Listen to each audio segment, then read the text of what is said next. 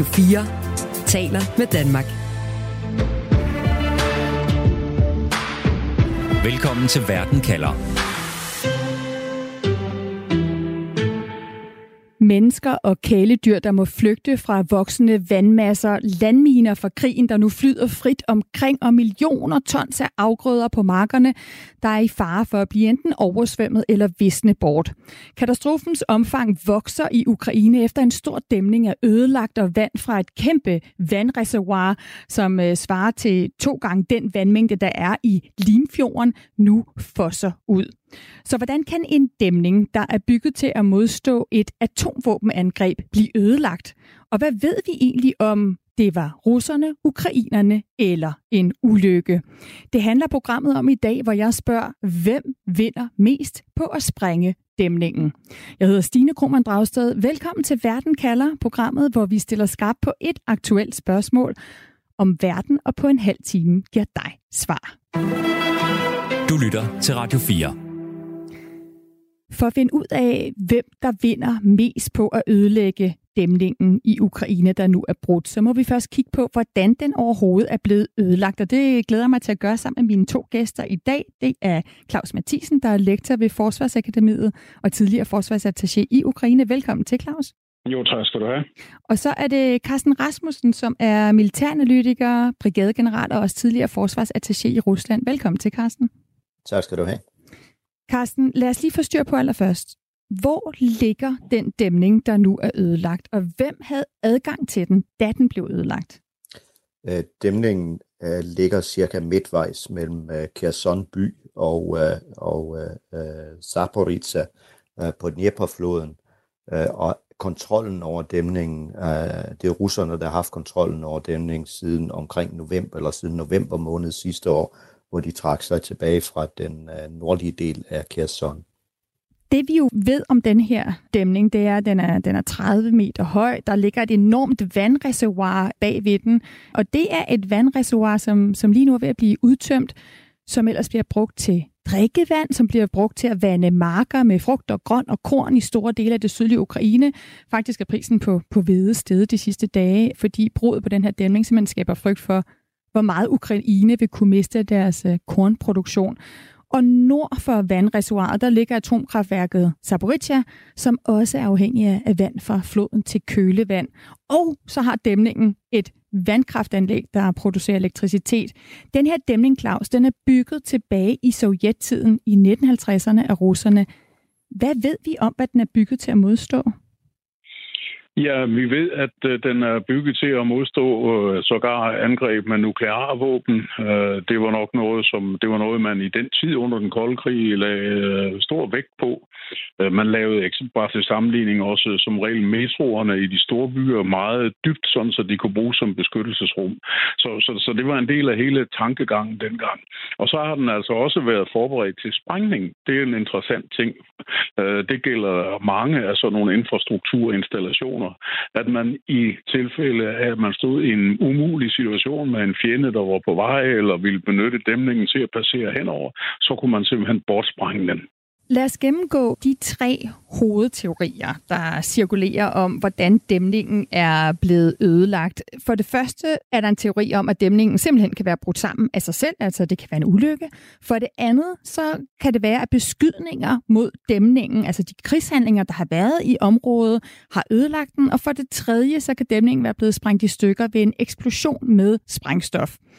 Claus, kan vi udelukke, at dæmningen simpelthen er brudt sammen af sig selv? Øh, jeg tror, vi må sige også øh, efter de ting, der er kommet frem i løbet af i går og i dag, øh, at øh, der er ikke noget, der tyder på, at det her det kan være sket af naturlig vej. Sådan forstå, at de eksperter, der har udtalt sig om muligheden for, at dæmningen kunne være bukket under for det enorme vandpres, fordi den var beskadiget, det anser de for usandsynligt, fordi så vil den også være øh, brudt sammen ude i siderne, ikke i midten. Det er i hvert fald, hvad jeg har læst eksperter udtale udtalelser om.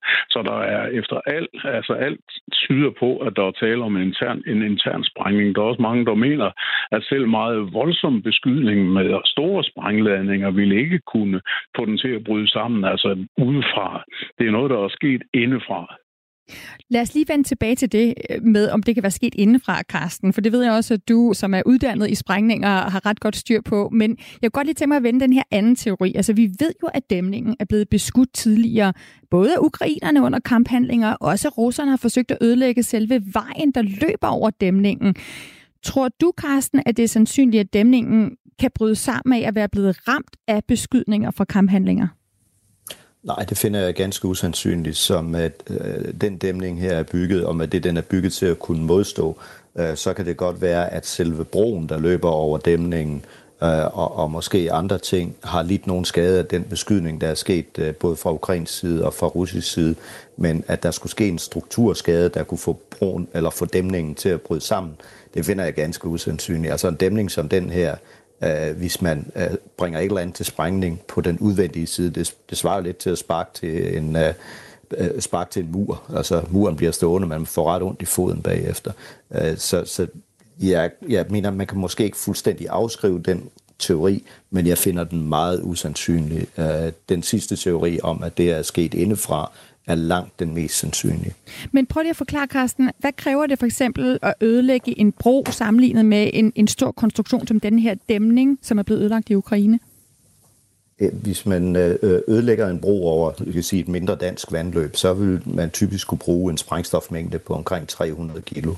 Når vi taler om en, en stor dæmning som denne her, hvis den sprænges indefra, øh, så øh, skal der formentlig bruges mere end et ton sprængstof og det skal lægges på en måde, så der kommer en serie af sprængninger, som laver et snit i dæmningen, og det snit i dæmningen vil så efterfølgende få vandtrykket øh, til at, og, øh, og, og få dæmningen til at falde sammen.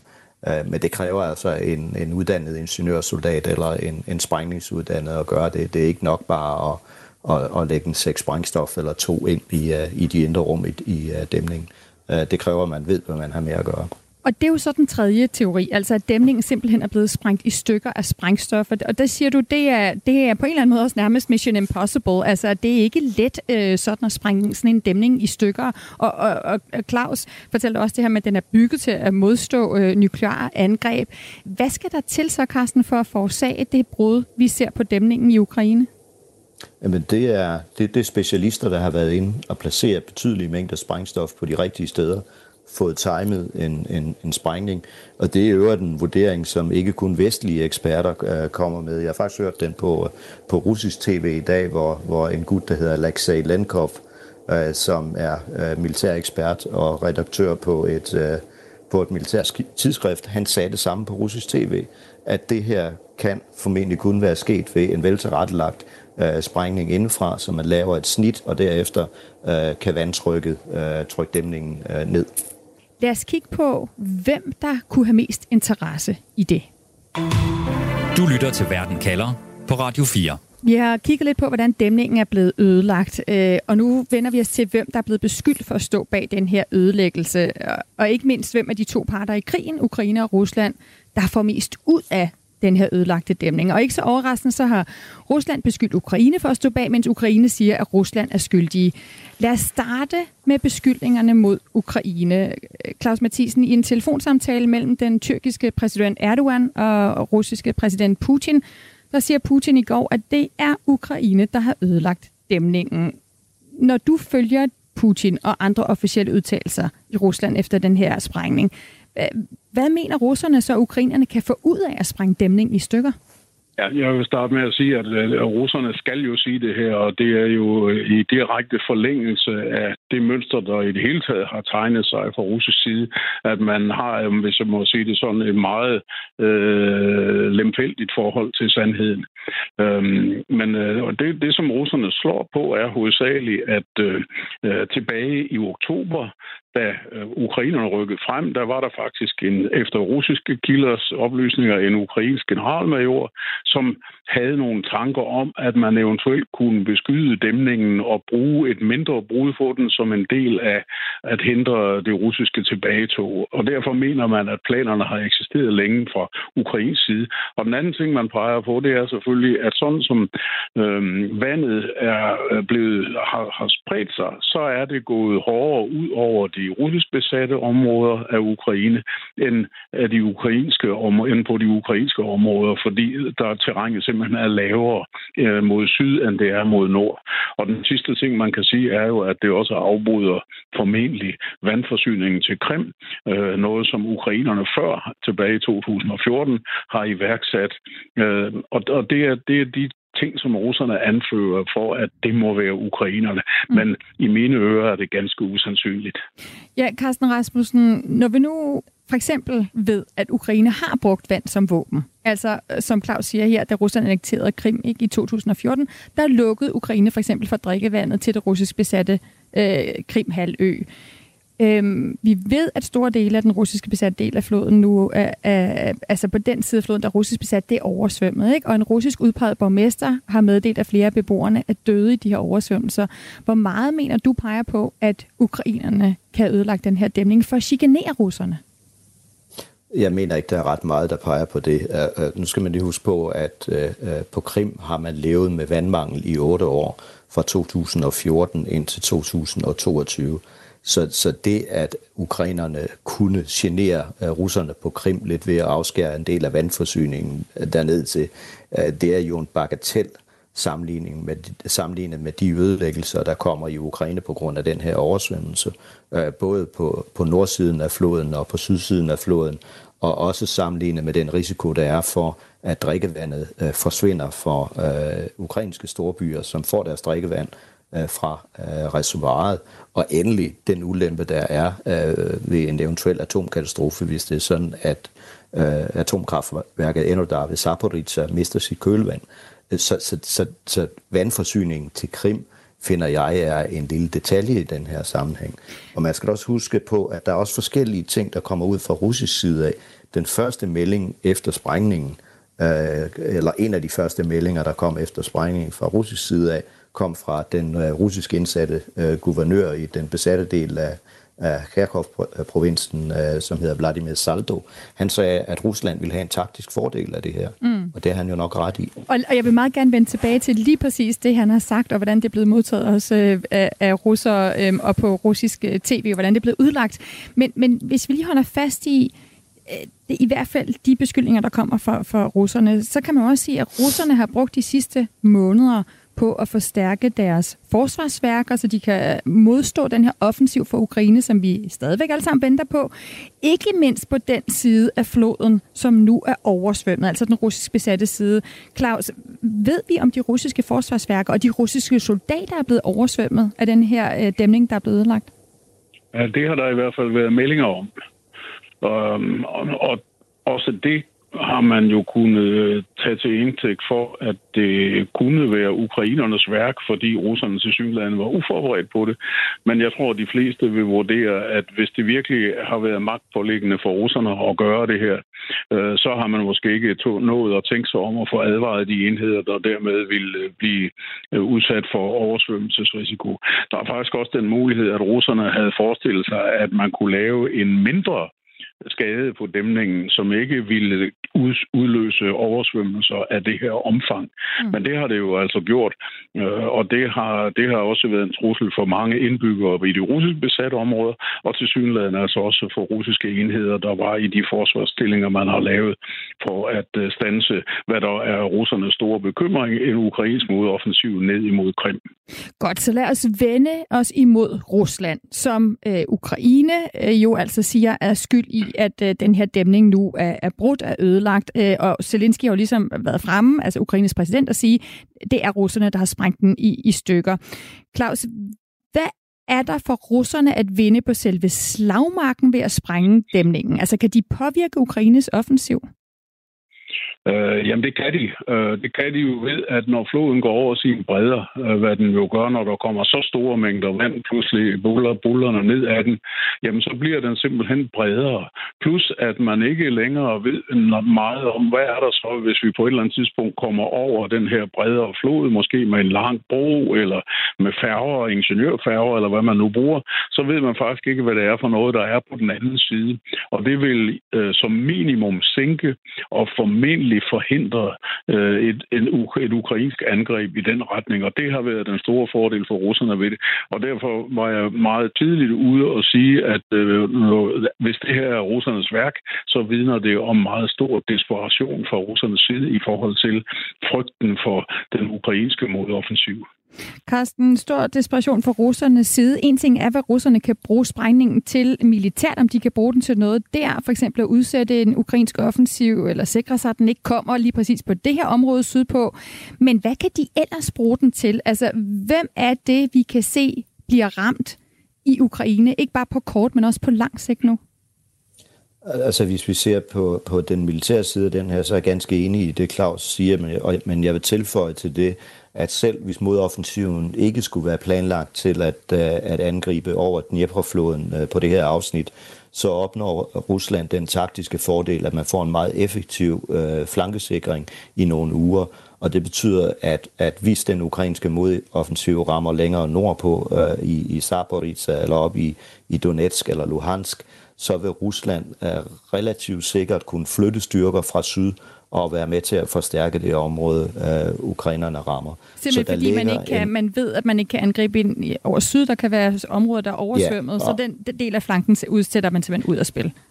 Ja, det gør man, og, mm. og der har jo øh, indtil oversvømmelsen øh, startede her, øh, der var der jo en del af de mindre øer, som ligger i, floden, ned den sydlige del af floden, Øh, dem havde ukrainerne besat, og de, disse øh, øer kunne måske have været anvendt som springbræt øh, til at falde russerne i, i ryggen under en større offensiv andetsteds.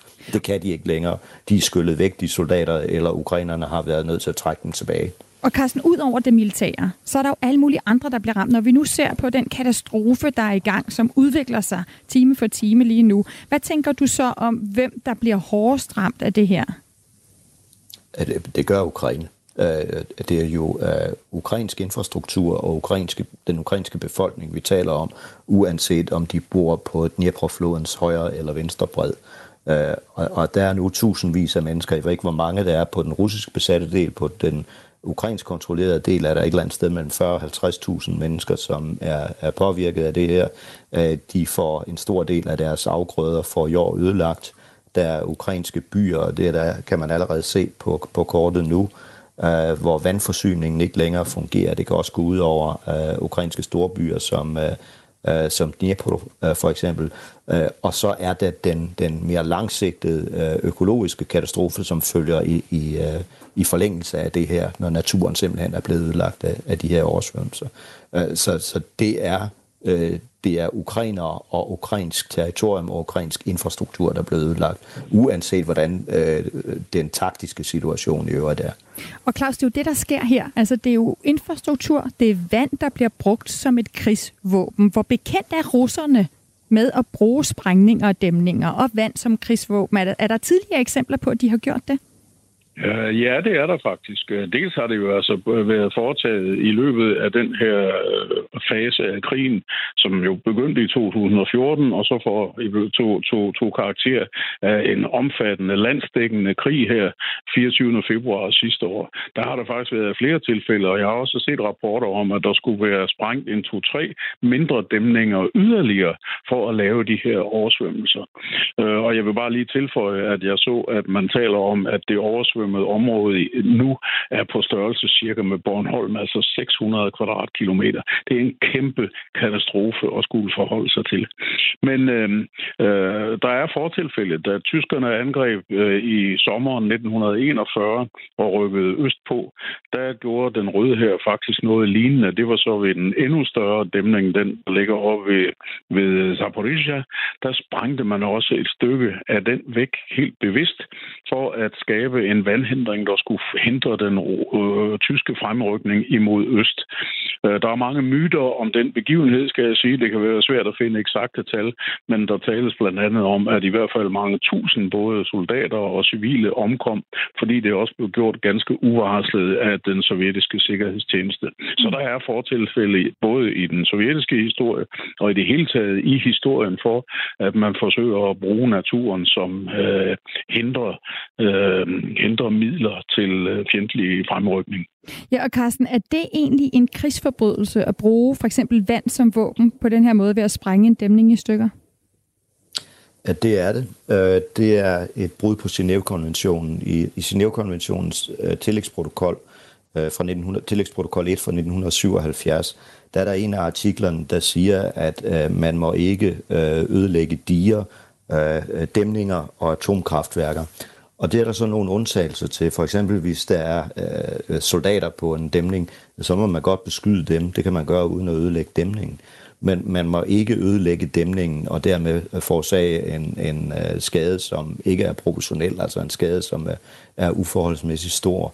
Så derfor er der, hvis vi ser bort fra, fra øh, krigen mellem Ukraine og Rusland, i virkeligheden ikke så mange eksempler i efterkrigstiden, fordi man har jo lavet det her regelsæt efter 2. verdenskrig, for netop at undgå, at krigshandlinger uh, førte til til uacceptable store tab uh, på civilbefolkningen og uacceptable øh, uacceptabel ødelæggelse af civil infrastruktur. Men der er dog eksempler på, at det er sket også i nyere tid. Mm. Altså øh, Saddam Hussein øh, lavede nogle øh, omdirigeringer af, af vandflowet i øh, Eufrat og Tigris i forbindelse mod kampen øh, mod øh, maskaraberne i, uh, i 1990 eller 91, altså i forbindelse med den første golfkrig, og det virkede uh, ganske effektivt. Han oversvømmede uh, det område, de dyrkede det område, de boede i, og gjorde dem i virkeligheden ukampdygtige. De var ikke i stand til at fortsætte oprøret mod, uh, mod Saddam-regimet. Okay, en ting er at bruge øh, vand og infrastruktur øh, som våben øh, i forhold til slagmarken og militært. Noget andet er den informationskrig, der så samtidig pågår. Lad os kigge på, hvem der vinder fortællingen om den her dæmning, der nu er ødelagt. Radio 4 taler med Danmark. For hvis man tænder for russisk tv de her dage, så lyder det faktisk øh, sådan her. Каховской ГЭС в Херсонской области дает военно-тактическое преимущество вооруженным силам России. И? Кого цитируете? Вот. Я Ja. Jeg her det russere, der for rullende kameraer forsøger at få øh, ensrettet deres holdning til, til dæmningen, og hvem der drager nytte militært af, at den er sprængt. Altså, øh, det gør Rusland nemlig. Det mener den russisk udpegede guvernør for det oversvømmede øh, område, som du også øh, har nævnt, Carsten Rasmussen. Altså, Saldo har været og sagt, jamen den russiske her, de drager simpelthen nytte af det her. Men på tv, der sidder så her en tidligere russisk viceudenrigsminister, fortæller, at det her udsagn, det er ikke så smart, at Saldo han kommer med det, for det hjælper ukrainerne, og så, de, så skændes de ellers om, hvordan de må have styr på deres budskab. Øh, Carsten, du har fulgt den her debat om dæmningen på russisk tv. Hvad, øh, altså det lyder som om, du siger, at det er et ret tyndt røgslør, som Rusland forsøger at lægge ud i forhold til, at det skulle være Ukraine, der står bag. Hvordan det? Øh, ja, der, altså hele den debat, du refererer til der, bærer jo i hvert fald præg af, at der er nogle budskaber, der ikke er blevet koordineret, før man gik i studiet. Uh, og, og Alexei Lenkov, som jeg øh, refererede til tidligere, som beskrev, hvordan man kunne øh, sprænge en dæmning som den her, Øh, hans forklaring af det blev, blev fuldt op af spørgsmål fra et af de andre paneldeltagere, jeg kan ikke huske, hvem der var, som øh, sagde, jamen, uh, kontrollerer vi ikke, kontrollerede vi ikke dæmningen? Så blev der kortvarig ro i studiet, fordi det var jo faktisk en meget, meget ubehagelig situation at komme i, mm. at erkende, at dæmningen kun kan sprænges øh, ved hjælp af specia- eller ved specialister, som har adgang til det indre og kan, kan lave det her stykke arbejde, og hvordan kunne det i øvrigt foregå, hvis det var Rusland, der kontrollerede dæmningen, og det gjorde de. De kontrollerede dæmningen. Vi har talt om, hvem der øh, taber og vinder mest på at sprænge dæmningen militært. Den her informationskrig, øh, Claus, øh, altså... Der, altså selv i USA, der sidder der jo typer som den tidligere vært på mediet Fox News, altså Tucker Carlson, og udsender videoer, hvor han bebrejder ukrainerne for, for sprængningen af dæmningen. Hvor vigtigt er det, eller hvorfor er det vigtigt, Claus, hvem der vinder selve fortællingen om, hvad der er sket? Øh, ja, det er det, øh, og det er det blevet i stigende grad. Øh, det er jo ikke fordi informationskrig er noget nyt, men det er som om, at det er blevet meget mere systematiseret, og det har også taget en helt ny drejning med udbredelsen af brugen af de sociale medier. Altså, jeg er ikke specialist på området, men jeg kender nogen, der er det, og de siger jo, at fidusen er, at man baserer sin mis- eller desinformation på 10% sandhed, og resten det er så usandt i forskellige grader grader. Men det, det der med de 10 procent sandhed, det gør, at der vil altid være nogen tilbage, der sidder og tænker, ah, var det nu alligevel ikke sådan? Og der er jo masservis af eksempler. Det, der lige falder mig ind nu at nævne, det er nedskydningen af MH17 i juli 2014 i Øst-Ukraine, øh, og hvor jo der, man i, i Holland har slået fast, at det var altså et, øh, en, et russisk missil og øh, så videre, som skød flyet ned. Men der sidder stadigvæk nogen rundt omkring, fordi russerne lavede 5, 6, 7 andre versioner og tænker, ah, kan jeg vide, om ikke en af de der 5, 6, 7 andre versioner, som russerne præsenterede, de nu godt kunne være sande. Og det er den barske virkelighed i informationsverdenen i dag. Altså, vi har andre øh, eksempler, ikke? Sprængninger af Nord Stream-rørledningerne i Østersøen sidste år, ikke? hvor alle straks var ude og pege på, på Rusland som hovedmistænkt, og siden er der jo kommet ny viden og vilde tvist i den sabotage-sag. Carsten, hvad skal vi ellers frygte kan blive ødelagt? Nu har vi gasrørledninger, nu har vi en stor dæmning, øh, der ellers var bygget til at vedstå atomvåbenangreb. Hvad skal vi ellers frygte kan blive ødelagt øh, og brugt som våben i krigen? Det næste skrækscenarie, man kigger ind i, og det her er jo et af de skrækscenarier, som, øh, øh som er blevet diskuteret øh, helt fra øh, invasionens start øh, sidste år, at der kunne øh, øh, ske brud på, på nogle af Ukraines store dæmninger. Det næste trin på den eskalationsskala, det vil være en, en ødelæggelse af et af Ukraines atomkraftværker, eller et, ja, bare et massivt udslip øh, af radioaktive stoffer derfra. Den, den, den, den mest nærliggende kandidat er Enodar-kraftværket ved, ved Zaporizhia, øh, som nu står i en situation, hvor man risikerer at miste øh, i hvert fald noget af kølevandstilførselen til det pågældende kraftværk på grund af sprængningen af dæmningen. Øh, så, så det er det næste skridt på en mulig eskalationsstige. Det er en, en forurening med, uh, med uh, nukleare stoffer. Ja, radioaktive stoffer, undskyld. Du lytter til Radio 4. Ja, undskyld, og nu fik du en, en jingle i hovedet, fordi vi er nået til en konklusion. Tiden den går hurtigt i, i godt selskab, og der er masser af spørgsmål, og der bliver ved med at være mange, mange spørgsmål om den her øh, sprængning. Men nu vil jeg gerne have et øh, jeres øh, svar på det spørgsmål, jeg stiller i udsendelsen i dag. Carsten, hvem vinder mest på at sprænge dæmningen? På meget kort sigt vinder Rusland, fordi Rusland har fået en, en, øh, en mindre og kortvarig taktisk fordel.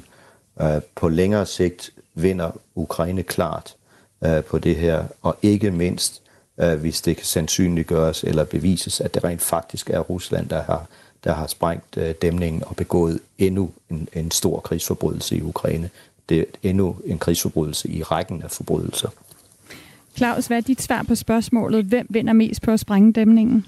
Ja, det er jeg helt enig i. Det gør Rusland, øh, og jeg synes, øh, at der allerede er overvældende indicier, om end der måske ikke er et 100% firkantet bevis, og måske heller aldrig øh, bliver det. Men jeg vil sige, det uhyggelige perspektiver, som Karsten også var lidt inde på, det er, at man kunne frygte for, at efterhånden som Rusland i stigende grad når til en erkendelse af, at man ikke kan erobre hele Ukraine, så kan alle de der trusler, der er blevet fremsat fra russisk side om, at øh, udslette den ukrainske nation desværre blive omsat i handling i form af, at man vil øh, så øh, ødelægge så meget som overhovedet muligt i Ukraine for at gøre et efterliv for Ukraine så umuligt som overhovedet tænkeligt. Og det er i virkeligheden en frygtelig ting at forestille sig. Sådan lød analysen fra Claus Mathisen, altså lektor ved Forsvarsakademiet og tidligere forsvarsattaché i Ukraine. Og vi hørte også fra Carsten Rasmussen, militæranalytiker, brigadegeneral og tidligere forsvarsattaché i Rusland. Og uanset hvad der sker, så husk at du kan få svar på et afgørende spørgsmål lige her i Verden kalder med mig, Stine Krohmann Dragsted. Det er mandag og torsdag, at vi sender live. Først en halv time om en aktuel sag i Verden kalder, og så 30 minutters Verden kalder perspektiv, hvor jeg sætter et spørgsmål om verden ind i en større sammenhæng og giver dig svar. Husk, at øh, du kan følge Verden kalder som podcast. Det gør du ved at trykke følg, når du har fundet Verden kalder podcasten. Det kan du fx gøre på Radio 4's app, og øh, du kan jo altid lytte til Verden kalder, lige når du har lyst som en podcast. Du har lyttet til en podcast fra Radio 4. Find flere episoder i vores app, eller der, hvor du lytter til podcast. Radio 4 taler med Danmark.